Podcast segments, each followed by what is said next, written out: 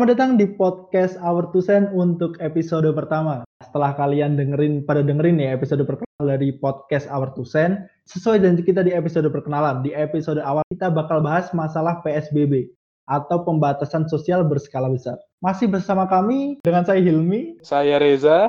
Dan saya Juli. Lanjut aja ke bahasan kita omongin di awal tadi, masalah PSBB. Mungkin bisa dijelasin dulu nih, PSBB itu apa? Anjir, udah kayak wawancara aja PSBB itu apa. yang simpel kayak, aja mas, simpel aja. Lama, lama-lama kayak podcast kampus itu tuh, yang itu tuh. yang mana nih? Oh, waduh, jangan nyinggung di sini. aduh, aduh, aduh, aduh. Ya ini kan lagi rame PSBB nih. PSBB di Jakarta udah aja ya. Udah, udah mas. Hampir, hampir satu bulan. Kemarin Udah kita hampir satu bulan. juga Di, Oke, kita udah singgung juga itu di episode awal kemarin yang perkenalan. PSBB itu sebenarnya kenapa kita milih PSBB gitu ya? Itu karena ada undang-undang soal kekarantinaan kesehatan. Itu undang-undangnya udah dari tahun 2018. Di situ pada intinya kita punya dua pilihan. Kalau misalnya terjadi kondisi seperti sekarang ini. Yang pertama itu karantina wilayah, yang kedua pembatasan sosial berskala besar atau PSBB yang dipilih kali ini.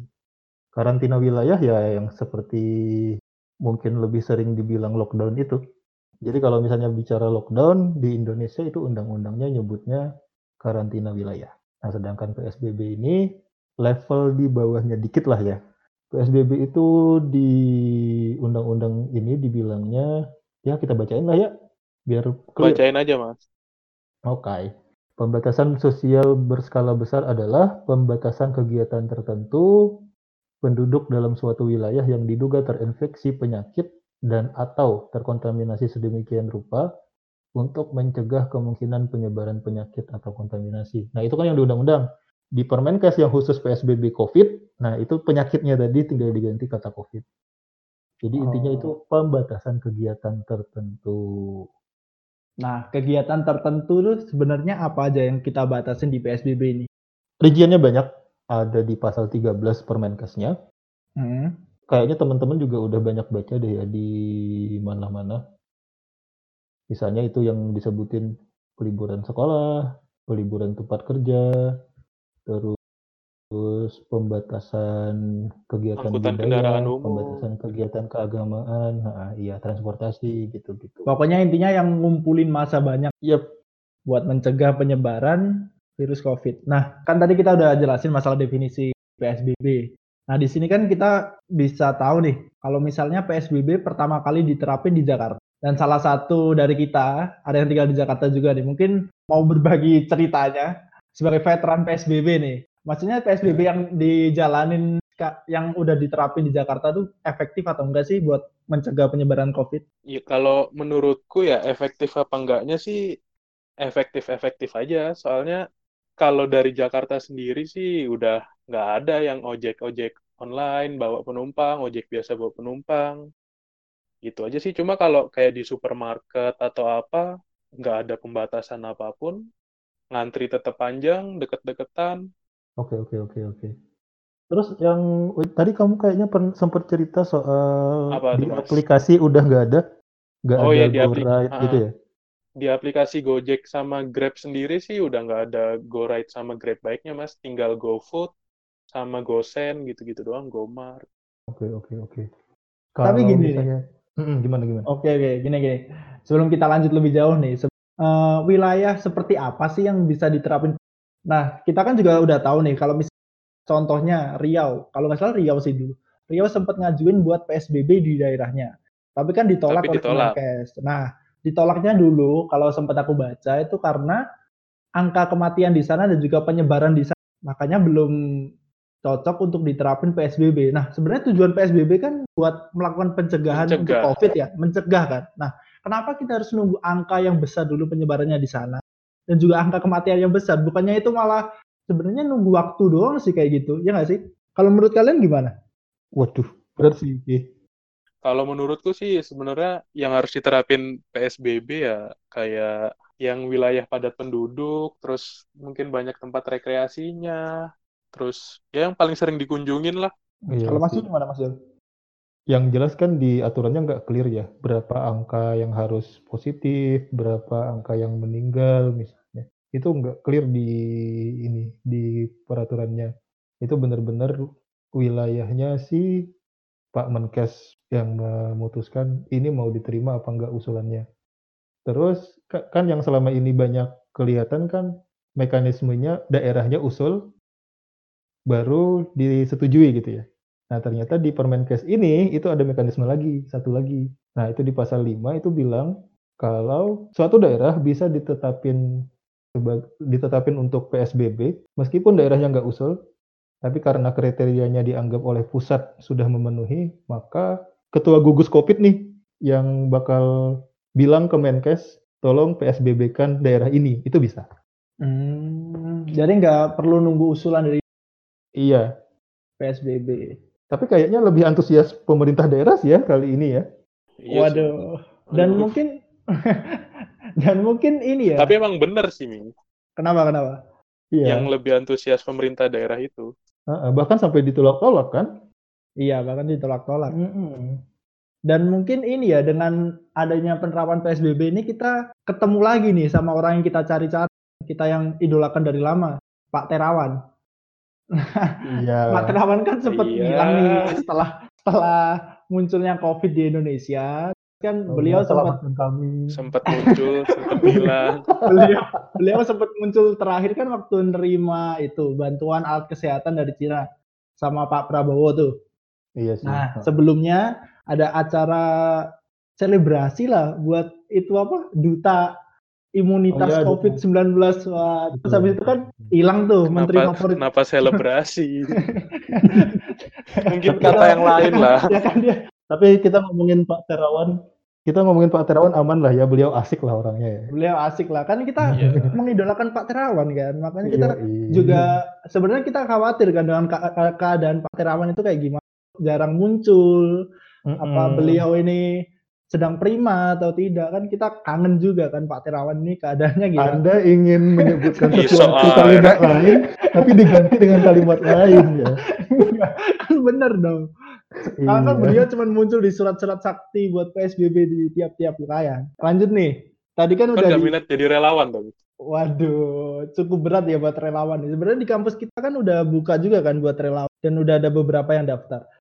Iya, siapa oh, tahu ya? bisa ganti buat KKN. Iya. Udah ada itu. Jadi kampus kita udah buka buat relawan COVID dan beberapa kemarin udah ada yang keterima sih. Cuman nggak tahu relawannya ini bakal ngapain aja. Respect lah buat relawan-relawan COVID. Yo, Lanjut nih. Lanjut. Tadi kita bahas masalah definisi, kriteria juga PSBB. Tadi kan Reza juga udah ngejelasin yang bisa dilakuin dan juga nggak boleh dilakuin di PSBB. Mungkin hmm. kalian mungkin Reza nih yang udah nerapin PSBB. Hal-hal apa aja sih yang sering dilanggar oleh masyarakat lebih tepatnya pada saat PSBB ini. Kan udah ada jelas yeah. sebenarnya aturan apa aja yang ngelakuin waktu PSBB, tapi masyarakat masih aja ngelakuin hal itu. Ya, kalau di daerah rumah aku sih masih banyak yang boncengan, naik motor, nggak pakai masker, naik mobil, naik motor. Padahal kan ada anjurannya juga tuh, seruan gubernur nomor nomor berapa gitu lupa harus pakai masker terus kan. Terus ya kayak ya beli beli jajanan di pinggir pinggir pinggir jalan masih aja ngumpul tapi kemarin bukannya PKL, PKL ada tempat khusus nggak sih buat ngejual? Atau emang nggak boleh ngejual sama? Kalau di daerah rumahku sih tetap aja masih banyak PKL PKL, apalagi kalau sore-sore. Kesadaran masyarakatnya nih berarti ya sebenarnya ya. Iya, cuma kalau di mall-mall gitu sih jam 8 udah pada tutup outlet-outlet sekarang, termasuk okay. jualan makanan. Oh, kalau kalau di sini sih, kalau kemarin kan aku sempat ke mall. Itu kalau misalnya outlet makanan. Saya kan ke mall pakai masker nggak? Iya dong, pakai masker. Jadi di kita sebelum masuk kan dicek suhu. Terus di uh, di kalau misalnya nggak pakai masker itu nggak boleh masuk ke mall. Terus kita di depan juga dikasih hand sanitizer. Nah, pas aku masuk mall nih, yang buka cuman buat kebutuhan-kebutuhan pokok doang. Jadi kayak okay. toko makanan, terus toko pakaian, tutup semua. Benar-benar cuma satu lantai yang buka, jadi cuma jual bahan-bahan pokok kayak makanan, buah, atau mungkin obat-obatan gitu doang sih kalau di Sidoarjo. Kalau di Surabaya hmm. gimana Mas Jul? Sempat keluar nggak kemarin? Atau aku emang di rumah aja? Di rumah aja sih aku paling keluar cuma ngantar laundry, udah. Beli aqua, Aqua lagi. Waduh, sponsor ba- bayar lah Aqua ya. Hari ini gratis nih aku. Dari tadi aku juga nyebut ojek online kok, Mas. Ya, Santai. kalau kalau kamu kan nyebut dua-duanya tuh nggak apa-apa, seimbang tuh. Oh, Ya beli Aqua, beli Ades, beli Masalahnya kita kalau misalnya di sini lagi tua, ya nggak sih? Kamu ngomong apa, Mi? Kalau misalnya kita mau beli Cleo nih, kan ngomong ngomong ke bapak-bapaknya, Pak beli Aqua gitu kan. Eh, iya sih. Walaupun, walaupun, iya yang, sih. walaupun yang dibeli Cleo. Enggak sih, Mile. Aku beli Cleo tetap ngomong Cleo sih. Iya, kan harganya beda ya. Harganya beda. beda emang aja Jakarta sama Sidoarjo aja. Ya.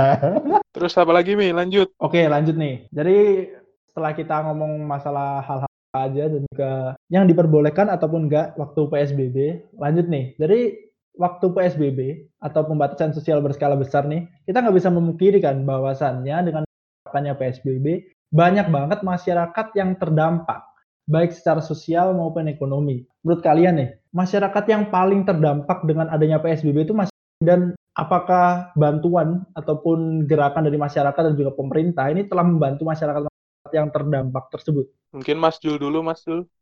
Waduh, oke. kalau yang paling terdampak sih ya sebenarnya ya terdampak semua. Tapi kalau mau harus memilih yang paling, ya pekerja-pekerja harian itu.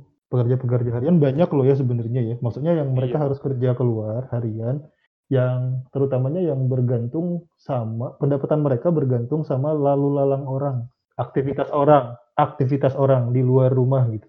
Penjaga warung, warung yang Iya, kecil-kecil. Iya, ya. pedagang gitu-gitu lah, Mas. pedagang-pedagang kecil itu terdampak itu yang paling terdampak sih menurutku karena Surabaya aja ya satu kampus hilang itu berasa sekali biasanya kan kita mahasiswa-mahasiswa hilang cuma pas masa liburan kan ini sebelum liburan kita Bulan dua bulan lah. uh Iya sih, benar benar.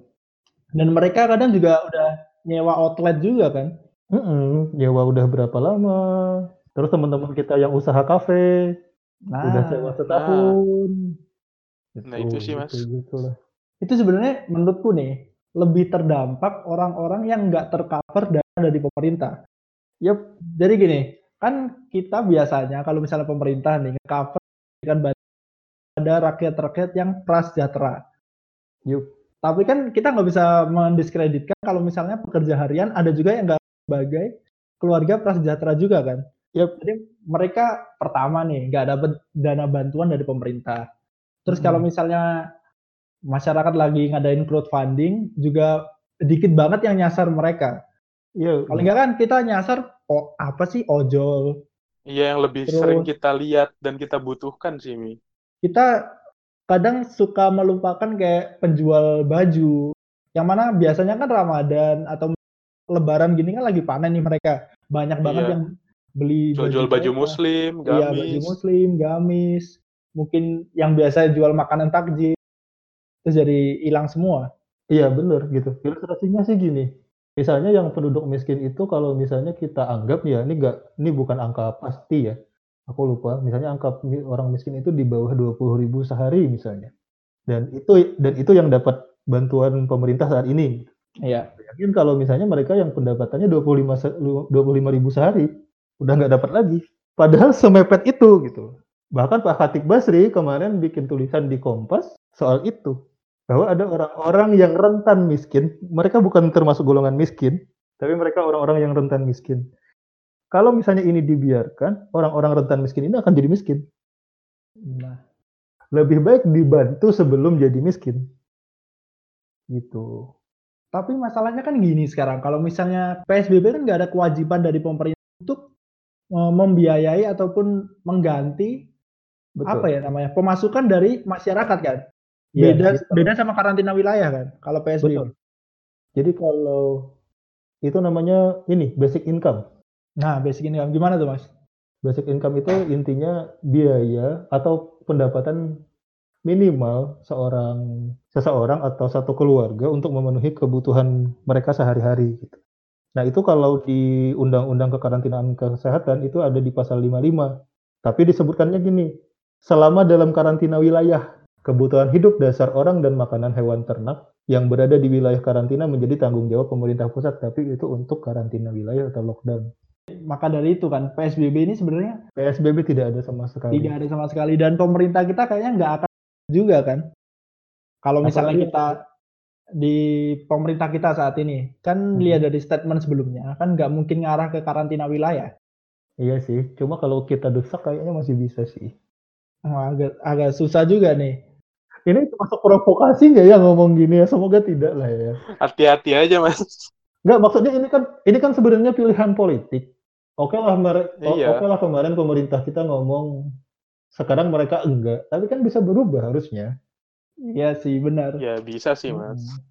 Dan juga kita lihat Vietnam kan. Vietnam kemarin udah bebas Udah dari social Bebas distancing. lockdown. Iya, iya benar. Mereka udah melonggarkan. ha. kan Karena dia itu kan ya kenapa? tabrakan Oh. nih. Aduh, itu kan ideologi negara kan. Iya, di, di situ di situ eh, apa namanya kontrasnya eh, efektivitas negara demokrasi sama negara apa sih nyebutnya otoritarian? Otoritarian bisa dibilang. Oke. ha. Ya Iya memang sih. mereka ngambil kebijakan di saat-saat seperti ini akan lebih efektif negara-negara dengan jenis pemerintahan seperti itu. Cuma nggak enaknya nanti di masa damai. iya sih. ya, ya, ya kita di masa-masa kayak gini pun masih masih bebas ngomong kan. Eh, Bener juga sih mas. masalahnya nggak bisa dibilang bebas ngomong juga sih. Iya kita harus hati-hati juga. Ya jaga perasaan orang. Kebebasan kita dibatasi kebebasan orang lain. Bijak sekali saya. Tapi saat ini nih kita kan lagi Ramadan juga kan. Kita lagi puasa semua nih. Nah, Kan puasa biasa- nih. Ya, alhamdulillah saya sebagai seorang muslim menjalankan perintah agama untuk melakukan puasa, Reza. Sholat zuhur cuy. Oh iya. kita lagi take zuhur nih berarti ya. Gini gini gini. Kan kita lagi Ramadan nih. Biasanya kan menjelang lebaran, itu kan kita mudik nih. Nah, Hmm. dengan kondisi saat ini, kan yang perantau nih Reza sama Mas Jul. Kalian mau berencana mudik nggak? Aku enggak. Aku kan udah balik dari sejak UTS kemarin. Oh, Ya, itu kalau belum ada tuh pulang kampung. Kalau Reja tuh pulang kampung. Beda kan? Nah, ayo ayo, monggo dibahas. Mi, menurutmu Mi, pulang kampung sama mudik Mi, gimana Mi? wah bahaya banget bahas ini. Oh, enggak apa-apa dong, enggak lah. Enggak loh, kan definisi doang. Iyo, dari dari sudut pandang hukum lah. Oke lah, mudik sama pulang kampung. Se- sebelumnya jelasin dulu nih, maksudnya definisi yang diberikan Jokowi kayak apa. Dulu kan Jokowi ngomongnya gini, kalau misalnya mudik itu momentual kan. Jadi waktu kita menjelang lebaran. Lebaran. Nah, kalau pulang kampung, kata Jokowi, yang aku tangkep nih, biar gak diserang aku ya.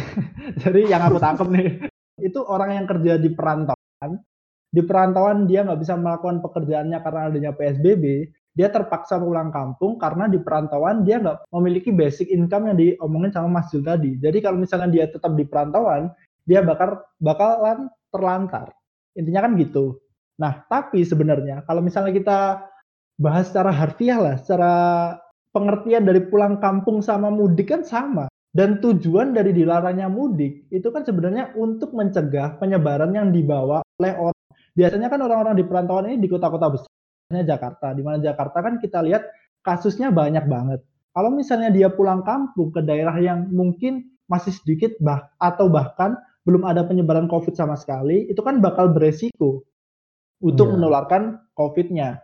Sebenarnya kan Hmm. konsepnya sama antara mudik dan juga pulang kampung. Yang mana dengan tujuan kita untuk melakukan pencegahan, walaupun pulang kampung diperbolehkan, mudik tidak, sebenarnya itu nggak akan berjalan efektif gitu loh pencegahannya. Dan juga pemerintah ngomongnya gini kemarin, kalian boleh pulang kampung, tapi setelah pulang kampung, kalian harus melakukan karantina wilayah selama jangan karantina Karan- mandiri. Karantina diri dong, isolasi diri. Karantina diri, karantina diri. Karantina diri Santai, secara- santai. sorry sorry karantina diri secara mandiri selama dua minggu itu kan sama aja kalau kita analogikan gini kita analogikan nih kita lagi ngepel terus ada adik kita di luar eh kamu boleh masuk tapi kalau misalnya kamu masuk kamu saya cap sebagai anak yang nakal karena kamu telah merusak lantai yang telah saya Hasil bersihkan pelan. Ya. hasil Ngotorin pelan gitu lagi. kan. Nah. Nah, gitu kan. Kenapa kita nggak mencegah dari luar? Eh, kamu masuk. Biar ini pel kering dulu. Nanti kamu baru boleh masuk. Biar nanti nggak berantakin lantai yang udah aku pel. Iya nggak? Bisa dianalogikan Hmm. gitu juga nggak? Maksudnya kita Boleh. cegah bener-bener semua nggak boleh masuk dulu sampai COVID ini selesai. Atau misalnya gini, jangan-jangan analoginya. Tadi kan gimana tadi? Di- eh, kamu udah ngepel, Yang terus pelan, kamu- Mas. masuk gitu aja. Belum pelannya belum kering, kita udah masuk gitu aja, ngotorin jadinya. Ah, gimana kalau analoginya menurut pemerintah gini? Aku habis ngepel kata pemerintah. Kamu boleh masuk asal bawa pel sendiri. Buat ngepel bekas kamu masuk. Eh, bisa sih. Bisa sih. Oh, jadi Mas Jul eh, setuju nih adanya pulang perbedaan antara pulang kampung dan juga mudik. Nggak, aku nggak. Kalau kamu nanya gitu ke aku, aku harus nanya dulu. Jadi kamu nggak setuju sama statementnya Jokowi kemarin? Bukannya kan nggak setuju. Saya setuju. Skakmat, skakmat. Kan kita podcast pro pemerintah kali ini. setuju. saya saya setuju banget. Saya Jokowi lovers. Saya cinta Pak Jokowi. Tapi tapi gimana ya? Maksudnya ngapain kita harus membedakan antara pulang kampung jikalau itu memiliki dampak yang sama untuk pencegahan COVID gitu loh. Itu bakal Oke. ngerusak pencegahan COVID yang dilakukan oleh pemerintah. Ya, itu sebenarnya ya cuma udah deh. permainan permainan kata doang sih. Kan Ah, emang Iya. emang biasanya kan gini, pemimpin itu kan anti banget buat bilang minta maaf Saya dan sa- juga oh, saya salah, saya hilaf. Hmm. Iya gak sih? Oke. Iya sih. Reja gimana aja? Reja dulu deh gimana Apa, aja? Mas? Apa? Itu loh, mudik sama pulang kampung. Kamu kan pelaku tuh. Nah, Lah. ini nih. Pasti akan membela diri. Yang membedakan kan cuma momentumnya doang, Mas. Kalau Oh. mudik kan identik sama Idul Fitri gitu-gitu doang, Mas. Kalau pulang Iya. kampung kan kapan aja bisa sih, Mas. Eh tapi Hmm. Jadi- tapi tahun baru Cina juga mudik bahasanya. Ya kan momentum nih Iya sih. pada satu Hmm. waktu tertentu. Iya ya. Oke oke. Yup, yup, yup. Ya pada intinya sih sama aja balik-balik juga. Em, mm, mm, mm, aku mau bahasnya gimana ya? Gimana gimana? Eh, ini kan perdebatan ini muncul di wawancaranya Pak Jokowi sama Mbak Najwa ya. Najwa Nah, Shihab. Iya. obrolannya waktu itu adalah soal larangan mudik waktu Lebaran. Mbak Najwa, concernnya Mbak Najwa adalah kalau misalnya sekarang dilarang mudik, kenapa kemarin nggak dilarang orang mudik? Pulang kampung. Ya, ya kalau kalau sekarang orang pulang kampungnya dilarang pas Lebaran, kenapa kemarin-kemarin nggak dilarang gitu kan intinya? Iya iya. Hmm. Nah, karena karena eh, mindsetnya Mbak Nana itu bakal sama saja efeknya akan menularkan eh, ini menye- menyebar pe- apa memperluas penyebaran wabah ini kan. Tapi Pak Jokowi itu dari awal datang kayaknya concernnya adalah soal bahas mudik pas Lebaran karena Permenhubnya pun judulnya adalah pelarangan mudik saat Idul Fitri tahun 1411 Hijriah. gitu. 1441, Mas. Eh, 1441 Hijriah gitu. Itu spesifik sekali Permenhubnya. Jadi aku sih bayangin kalau aku jadi Pak Jokowi ditanya gitu, aku juga akan bingung menyebut istilah apa yang kemarin. Karena yang kemarin itu pertimbangannya kalau kalau dilarang itu bakal numpuk orang-orang yang tidak bisa bekerja di Jakarta, tidak bisa bekerja di kota-kota besar, tidak bisa mencari penghasilan, tidak bisa memenuhi basic in, basic need-nya karena basic income-nya tidak ada. Kota-kota besar akan ini kondisinya akan tidak nyaman sama sekali karena ada orang-orang yang harusnya ya udah dipersilahkan pulang gitu. Apa bedanya pulang waktu kemarin sama pulang pas mudik? Kita bisa lihat sendiri. Kalau pas mudik nanti diperbolehkan, ya kita udah pengalaman lah lihat kondisi mudik Indonesia tiap tahun kan. Nah, Macetnya, ramenya. Iya, sebenarnya kemarin itu seandainya Mbak Najwa itu memahami dulu bahwa yang dibicarakan adalah mudik waktu Idul Fitri, sedangkan yang kemarin adalah mudik yang berbeda, tidak harus mencari istilah lain. ya, Tidak harus mencari. itu tidak akan apa, itu tidak akan masalah. Jadi jelaskan aja kalau pertimbangan pemerintah itu seperti kemarin. Kalau misalnya kemarin kemarin itu nggak dilarang karena mudiknya akan berangsur-angsur sedikit demi sedikit. Stasiun tidak akan penuh. Eh, bis apa namanya kalau bis? Terminal, Mas. Terminal tidak akan penuh, bandara tidak akan penuh. Kalau mudik, kita udah lihat sendiri jalan tol saja bisa macet. Itu yang darat, begitu kan?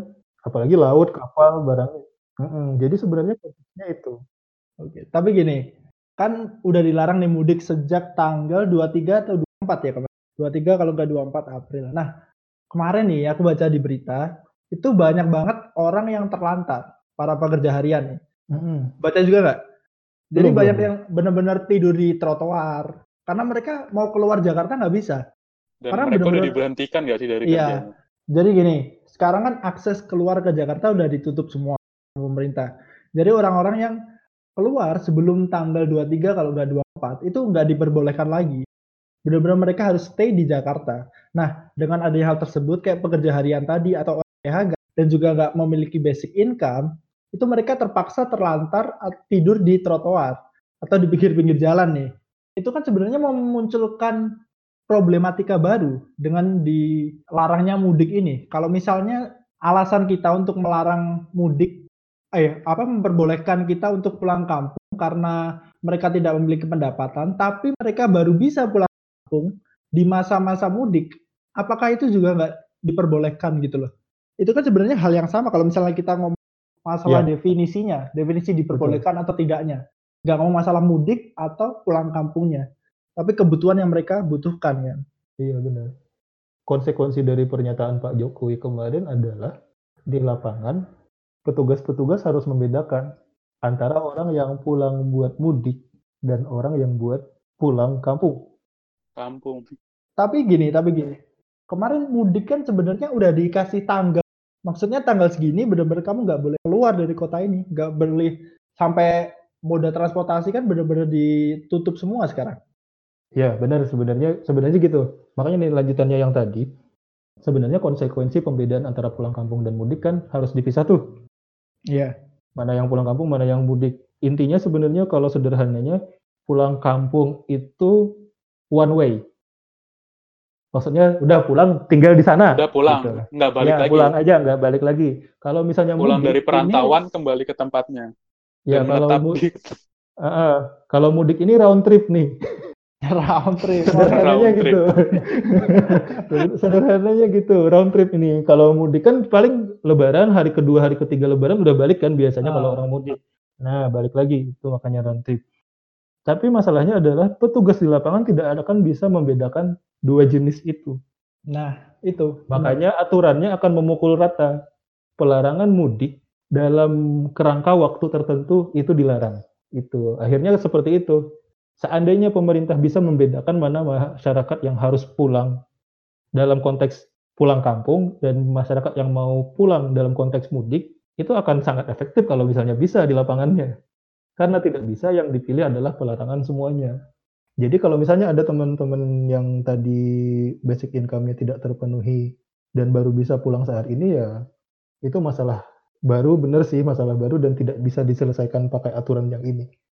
Terus kita jika kalau berkaca dari Malaysia, Malaysia sendiri kan sebenarnya juga melakukan pemerintahnya melakukan inisiatif untuk membangun tenda di tanah lapang. Contohnya di lapangan tuh, membangun tenda-tenda kecil buat masyarakat-masyarakat yang terdampak dengan adanya pencegahan ataupun pelarangan mudik dan juga pulang kampung. Jadi masyarakat-masyarakat yang tadi kita bahas di masyarakat-masyarakat yang rentan prasejahtera ataupun benar-benar masyarakat yang prasejahtera itu diberikan tempat tinggal pertama di tenda-tenda kecil tadi dan juga kebutuhan-kebutuhan mendasarnya kayak makanan, minuman, sandang pangan itu juga difasilitasi oleh pemerintah. Kenapa pemerintah kita juga nggak menerapkan hal yang sama, malah memperbolehkan adanya pulang kampung. Dan juga menurutku itu itu udah telat banget sih untuk mencegah adanya mudik di mana itu eh, di hari sebulan lebih, di sebulan lebih penyebaran COVID di Indonesia juga kan. Iya. Karena concern pemerintah menurutku bukan soal pulang kampungnya tadi, Mi. Apanya? Jadi kamu boleh pulang kampung secara berangsur-angsur dan pemerintah daerah itu udah koordinasi sama pemerintah pusat. Ini loh Hmm. yang mudik-mudik tolong diinikan gitu. Dan pemerintah pemerintah pusat mungkin ngelihatnya pemerintah daerah masih mampu handle itu. Yang berbahaya adalah ketika mudik yang seperti kita lihat tiap tahun itu terjadi di tahun ini. Mudik dengan luar biasa dengan kuantitas yang sangat luar biasa orang-orang di tempat-tempat umum terus Iya, pemerintah daerahnya tidak akan bisa doang kan. Iya, heeh. jadi bukan soal ini akan menyebar saja, Hmm, penumpukannya. Ah, penumpukannya akan lebih tinggi, penyebarannya akan lebih tinggi kalau mudik yang setiap tahun kita saksikan itu terjadi lagi tahun ini. Tapi apakah itu memberikan sebuah jam misalnya tantukan penyebaran itu tidak akan terjadi di daerah-daerah? Tidak dijamin. Soalnya kita juga nggak bisa memungkiri kan kemampuan daerah satu dengan daerah yang lain kan juga beda. APBD, Betul. APBD-nya pasti berbeda dan juga mungkin concern pemerintahannya juga berbeda kan. Maksudnya ada Iya. yang tanggap sama COVID, ada juga yang enggak. Mhm. Itu sih sebenarnya. Kalau menurutku, kalau menurutku benar-benar harus ada instruksi dari pusat buat ngontrol semua pemerintahan yang ada di daerah. Walaupun tiap daerah memiliki otonomi sebenarnya. Cuman kalau bahas masalah pandemi itu udah berbeda lagi sih. Betul. Kalau dari sisi kesehatan memang cara terbaik ya memang lockdown, karantina wilayah dari sisi kesehatan. Tapi dari sisi lain, entah itu sosial, ekonomi, kita lihat misalnya yang paling mungkin apple to apple sama negara kita ya tentu saja bukan Korea Selatan, tentu saja bukan China mungkin, ya bukan. Tidak apple to apple kalau kita misalnya berharap bisa lockdown dan pemerintah bisa memenuhi semua kebutuhan masyarakat tidak di suatu wilayah gitu. Makanya akhirnya mungkin dipilih pertimbangan-pertimbangan yang seperti ini dengan kebijakan lebih longgar, kebijakan eh, kewajiban pemerintah yang lebih sedikit dengan harapan kita berada di antaranya lah, tidak terlalu parah dan tidak seefektif Korea Selatan sama Vietnam juga mungkin. Tapi permasalahannya juga di negara kita kan biasanya negara itu kan memiliki dua pilihan. Yep. Di mana dia mau lockdown atau tidak lockdown tapi melakukan tes secara massal. Itu dia. Nah, negara Kita kita, negara kita nih lockdown enggak, tes massal juga nggak massal-massal banget gitu loh. Iya. Maksudnya kita kalau ngelihat hasil tes per hari itu yang dites nggak sampai Dikit. seribu, pernah Nggak. seribu, cuman nggak stabil seribu gitu loh, bahkan di bawah seribu. Kalau misalnya kita lihat juga masyarakat yang ada di Indonesia juga belum belum tentu juga orang yang kelihatannya sehat nggak terdampak ataupun nggak positif COVID kan. Mungkin itu sih maksudku kenapa kita harus benar-benar melakukan pencegahan penyebaran dari daerah yang banyak banget ada COVID. Soalnya orang yang sehat belum tentu negatif COVID juga. Kalau misalnya dibawa ke daerah, orang-orang daerah kan ya belum se-aware orang-orang di kota besar lah. Bisa dibilang gitu juga kan di Indonesia. Satu itu fasilitas kesehatan di daerah juga nggak bakal mampu. Makanya itu.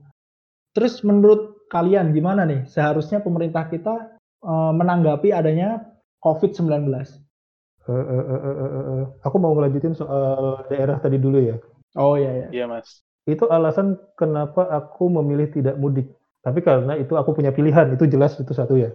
Dua, eh, aku ha- berharapnya sih masyarakat lain yang punya pilihan juga itu dengan sadar memilih untuk tidak mudik. Karena sebenarnya kalau misalnya nauzubillah sakit juga itu lebih gampang dirawat di sini daripada aku posisi Pulang. sakit di daerah dan aku akan sangat merepotkan keluarga kalau aku pulang itu loh maksudnya aku berharapnya aku ngomong gini kalau ada teman-teman di luar yang dengar ini juga punya pilihan untuk tidak mudik ya dengan kesadaran diri lah mending tidak mudik daripada ikut-ikutan eh, nyalah-nyalahin istilah yang dipilih oleh Jokowi gitu. Waduh, nyalah-nyalah. Eh, ya kan Nyalah nyalahin istilah saya yang mau pulang oleh, kampung. gitu.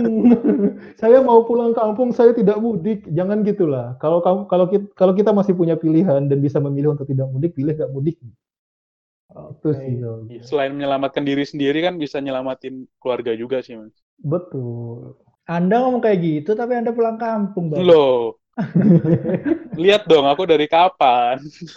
Dari hari keberapa kemarin? 5 udah pulang ya. Tanggal apanya mas? 20-an ya. Tanggal 20-an ya kamu pulang Jakarta ya. 20 Maret Dua ya. dong mas. Oh Maret. Oke Iya, akhir-akhir kan? Maret lah mas. Heeh, heeh, 20 30 Maret lah ya. Udah pulang. Tapi si Pas Reza ini, kasus di Indo belum 100 sih mas. Yoi. Heeh. tapi si Reza ini beda ya. Maksudnya biasanya kita dari daerah yang banyak banget kasus COVID ke daerah yang lebih sedikit kasus COVID-nya. Nah, Iya, iya, di iya. kasus Aku mendatangi red zone ya. mendatangi Yoi. red zone sih. itu sih. Itu Anda dia. tidak menaati sabda Nabi Muhammad Shallallahu Alaihi Wasallam Aduh, ketika aduh, terjadi aduh, wabah. aduh. Ah. Anda jangan tertawa. Anda berdua jangan tertawa. Oke, lanjut nih. Tadi kan kita udah bahas masalah PSBB, masalah mudik. Nah, negara kita kan di beberapa kota udah menerapkan PSBB. Tapi kita tadi kan udah bahas kalau misalnya PSBB dan juga karantina wilayah. Menurut kalian nih, jikalau PSBB yang diterapkan saat ini tidak berjalan efektif, itu menurut kalian perlu jangka waktu berapa lama sehingga kita dapat efektif? Dan juga menurut kalian, jikalau PSBB ini tidak efektif, langkah apa yang seharusnya diambil harus menerapkan karantina wilayah atau enggak? Kalau melihat dampak sosial tadi yang telah kita bahas sebelumnya. Pertanyaannya sulit sih Jaya aja ya. Iya. Kayaknya Hilmi sendiri mau jawab pertanyaannya sendiri. Enggak, biasanya Coba, kan enggak- dari tadi kamu nanya kita terus, Mi. Iya. Sekarang kita nanya pendapatmu gimana, Mi? gini gini. Iya. Kalau misalnya Najwa Shihab lagi nanya Jokowi, nggak mungkin Jokowi ngomong, coba Mbak Nana gimana Mbak Nana jawabannya? Kan nggak mungkin. Nah, itu kan itu kan Masalahnya Mbak kita Nana bukan dan Jokowi. Jokowi. Iya. Dan Anda bukan Aku Najwa bukan Shihab. Mbak Nana, aku bukan Jokowi. Aduh. Ya udahlah, Aiman, Aiman. Aiman kemarin Aiman kan bahas masalah itu, surat setnek, tapi nggak usah lah, setkap sih. Gak usah itu jangan. Itu Itu itu edit kemarin ya. iya, Yang coret-coret itu kan. itu loh. Jurnalisme harus kritis. Ya ampun. Iya. Ya elah. Anda menyebut nama lo di sini loh, hati-hati. Oh Iya. iya. Hati-hati Mi. Harus- Enggak, enggak, itu kan fakta. Kemarin dia ngomong gitu kan. Set. Oh iya iya iya. Ayo, gak ada yang mau jawab nih masa? Kan aku sebagai penanya dulu nih. Apa tadi pertanyaan pertama sampai kapan PSBB Sampai ini kapan ya? efektif atau Efektif. enggak? ya? Iya, penilaiannya. Waduh, nggak tahu. Eh, Sebenarnya Jadi- efektif apa enggak kan relatif, Mi. Gimana? Relatif gimana tuh? Ya, dilihat bakal ada penurunan atau tidak iya. dengan tingkat pengetesan yang Yang lebih banyak. lebih baik naik ya. Nah, Bukan itu. jangan sampai penurunan tapi gara-gara tesnya turun. Yang dites dikit. Ah. Iya. Tapi ya kalau misalnya soal efek kapan kita tahu efektif apa enggak, sampai kapan kita mau PSBB, lalu memutuskan pindah ke alternatif berikutnya tidak diatur secara jelas sih. Iya. Ya, dia terserah aja. Hmm, Dan itu pure benar-benar pilihan dari pemerintah pusat kan? Iya. Terus eh, kalau ini tidak efektif, lalu kita harus apa gitu? Ya, Ya, salah satu jalannya ya karantina wilayah, Mas. Kalau nggak efektif. Iya, kalau, di undang-undang, Ah, ah, kalau di undang-undang kekarantinaan, pilihan selanjutnya cuma karantina wilayah. Nggak ada kemarin yang disebut Fajrul apa? Darurat sipil. Darurat sipil. Aku nggak tahu itu di mana. Kalau misalnya ada juga ya, belum tahu di mana, belum ketemu. Darurat sipil itu ada di mana? Dan apakah darurat sipil itu sebenarnya, kalau misalnya ada undang-undangnya nih ya, apakah undang-undangnya itu dibuat tujuannya dalam hal soal Kesehatan. Iya kesehatan? Iya sih. itu masih jadi pertanyaan sih itu di mana apakah undang-undangnya bakal sesuai sa- penerapannya dengan kondisi sekarang kalau di Terus undang-undang kalau karantina Menurutmu sendiri gimana, Mi? iya mi Melebur sih, sebenarnya sama. Kayak tadi. Cuman gini, masalah darurat sih. eh, kemarin aku sempet nonton di Aiman kalau nggak salah di Kompas. Itu ada salah satu contohnya dosen, Aiman nih dosen itu, dosen inter, dosen hukum inter nih. Nah, beliau beliau itu menyarankan malah darurat militer. Kenapa Oh. beliau men- menyarankan darurat militer? Beliau ngomong itu gini. Jadi kalau misalnya kita menerapkan darurat militer, kayak misalnya logistik, terus habis itu benar-benar bantuan dari pemerintah, obat-obatan dan lain sebagainya, itu militer memiliki amunisi yang cukup dan juga orang-orang yang cukup kan hal tersebut gitu. Dan untuk pengamanan masyarakat untuk tidak keluar rumah dan juga menaat itu lebih ketat penerapannya dibandingkan sekarang. Kalau misalnya kita menerapkan darurat militer, karena benar-benar seluruh daerah dijaga aparat yang berwajib. darurat militer ini ada di mana ya Kenapa? Iya, ada di darurat mana ya militer darurat ini ada militer? di mana ya aturannya ya Wah, kalau aku lupa sih sebenarnya kemarin. Tapi kemarin beliau sempat ngomong, sempat nyebut aturan ya iya, sempat nyebut aturan. oh Jadi Oke. kan kemarin sempat ada darurat sipil, terus beliau bahas masalah darurat militer dan beliau setuju masalah darurat militer. Dan ya mungkin ini merupakan permasalahan kita bersama ya untuk menghadapi COVID-19. Dan kadang gini, di masyarakat kita atau kita orang-orang yang menggunakan sosial media sering banget propaganda stigma kelas sosial untuk menghadapi kasus ini. Gimana? Kadang banyak, banyak banget gini.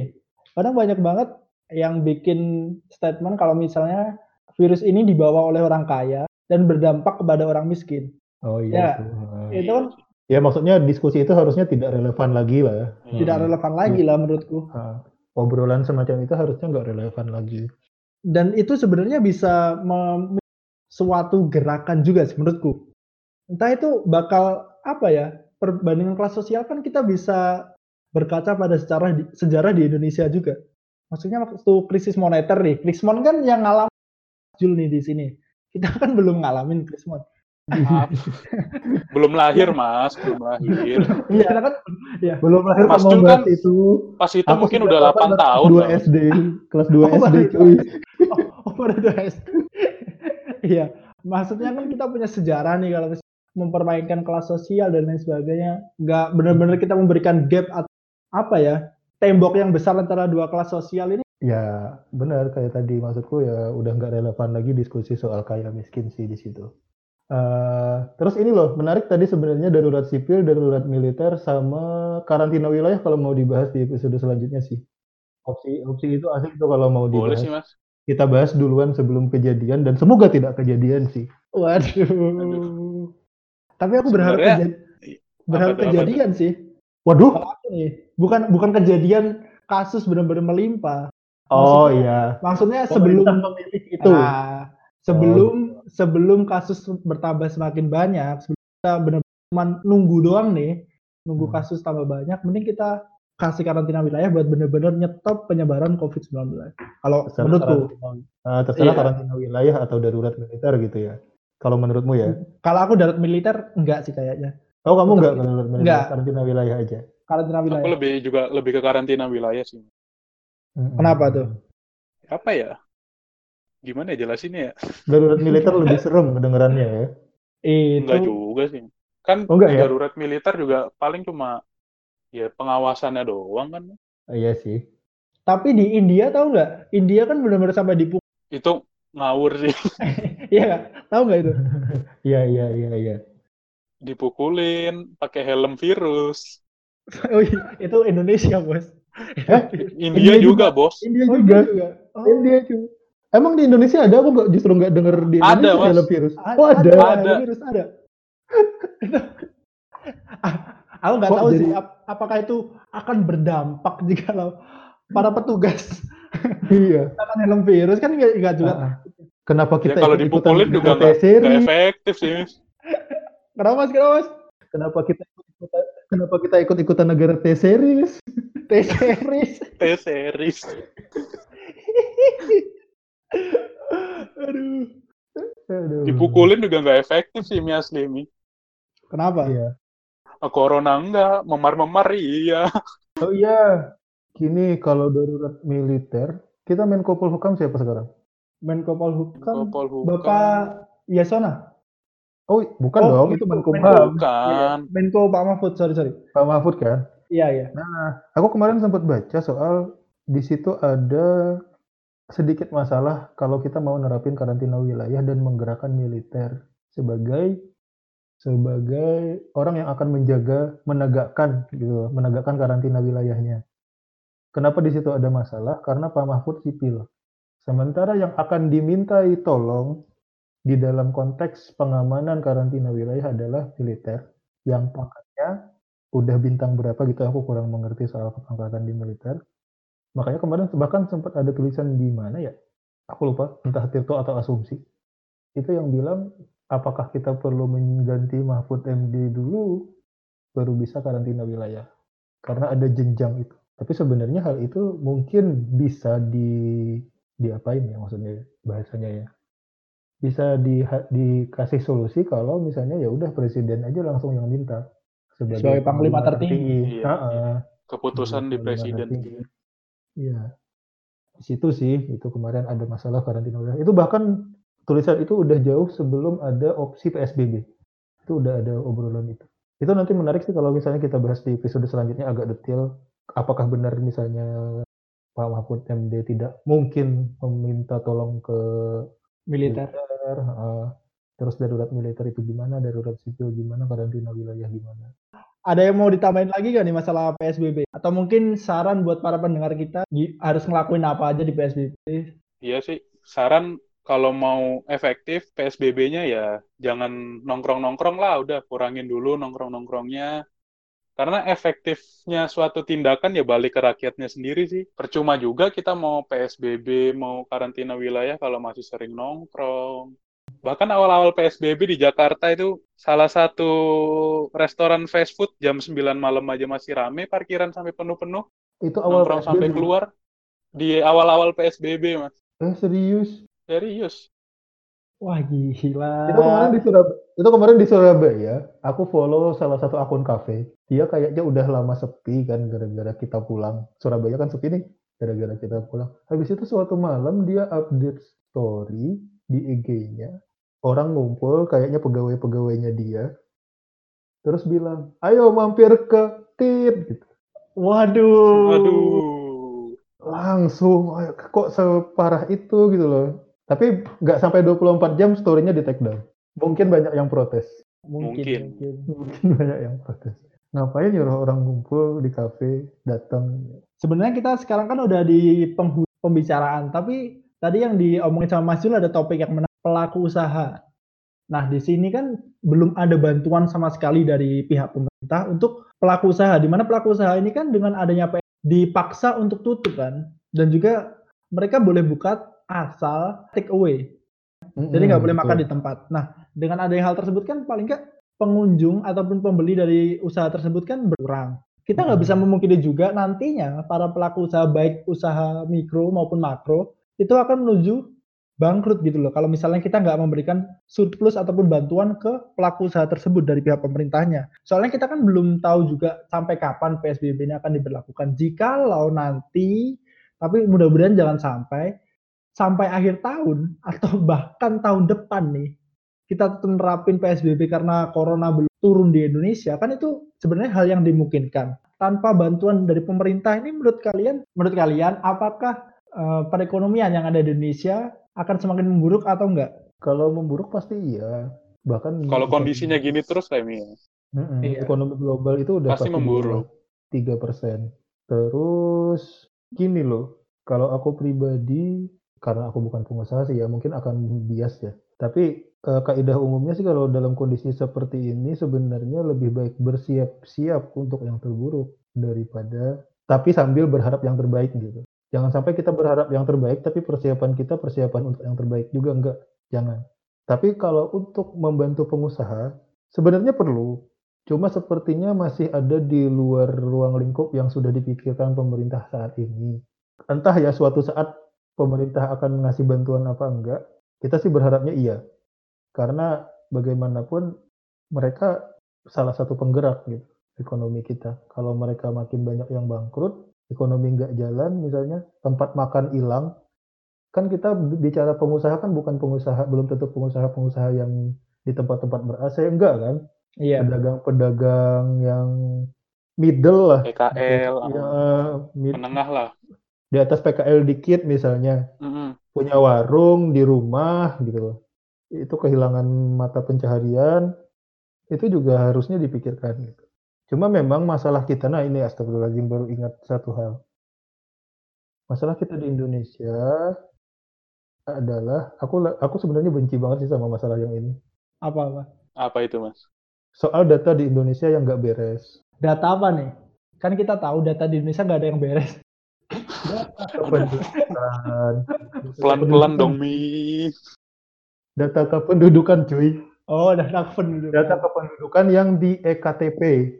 Fitur EKTP asli yang dirancang itu sangat luar biasa.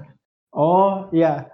Tahu tahu. Ah, tapi gara-gara orang-orang itu kemarin EKTP-nya cuma berfungsi sebagai kertas. Seandainya itu beres, data data kondisi ekonomi masyarakat lapisan-lapisannya jelas, pemerintah akan lebih gampang nyari bikin kebijakan. Benar-benar. Mana yang 20 ribu, mana yang 25 ribu doang tadi itu harusnya kelihatan tuh kalau EKTP-nya beres. Bu. Masalahnya kita udah ngeluarin banyak nih EKTP tapi Iya. Iya, tahu Mi. Pem- Pemerintah sekarang mau ngulangin bikin proyek EKTP lagi pun itu bakal dicurigai nanti. Padahal misalnya benar-benar niatnya mau bener nih. tapi sebenarnya bisa nggak sih kalau misalnya kita pakai EKTP yang ada sekarang tapi tinggal kita tambahin data-data doang. Tambahin fiturnya ya. Iya, iya. fiturnya kan. Bisa, harusnya, kan harusnya bisa, bisa gitu sih. Harusnya bisa. heeh. Soalnya kan kalau aku tahu di luar negeri nih, di EKTP-nya itu udah mencakup terus bahkan ada juga yang EKTP-nya itu bisa dipakai buat sistem pembayaran. Iya, heeh. harusnya iya, cuma harusnya satu. bisa. Heeh. Iya, harusnya kita nggak perlu punya SIM lagi, kita nggak perlu punya ATM lagi, tinggal bawa KTP, masukin data rekening kita. Harusnya ya gitu-gitu aja semuanya. Dan transaksi masyarakat beneran kelihatan dari situ. Sebenarnya momentum buat nambahin fitur itu sebenarnya di 2020 ini kita mau sensus. Oh, benar-benar benar. Tapi ada ini, Ada, sensusnya iya, ada urusan pun. lain yang lebih mendesak. Iya, sensusnya pun jadi tertunda. Dan ini sih sebenarnya kalau misalnya kita mau nambah fitur kan paling nggak kita butuh dana yang besar juga buat pengeluarannya. Nah, Hmm. kalau misalnya kita lihat dana dari pemerintah, fokusnya kan sekarang benar-benar lagi buat COVID dan fokus kedua itu kan buat pemindahan ibu kota sebenarnya. Betul sekali. Betul. Aduh, dis- Iya, disentuh iya. lagi yang ini.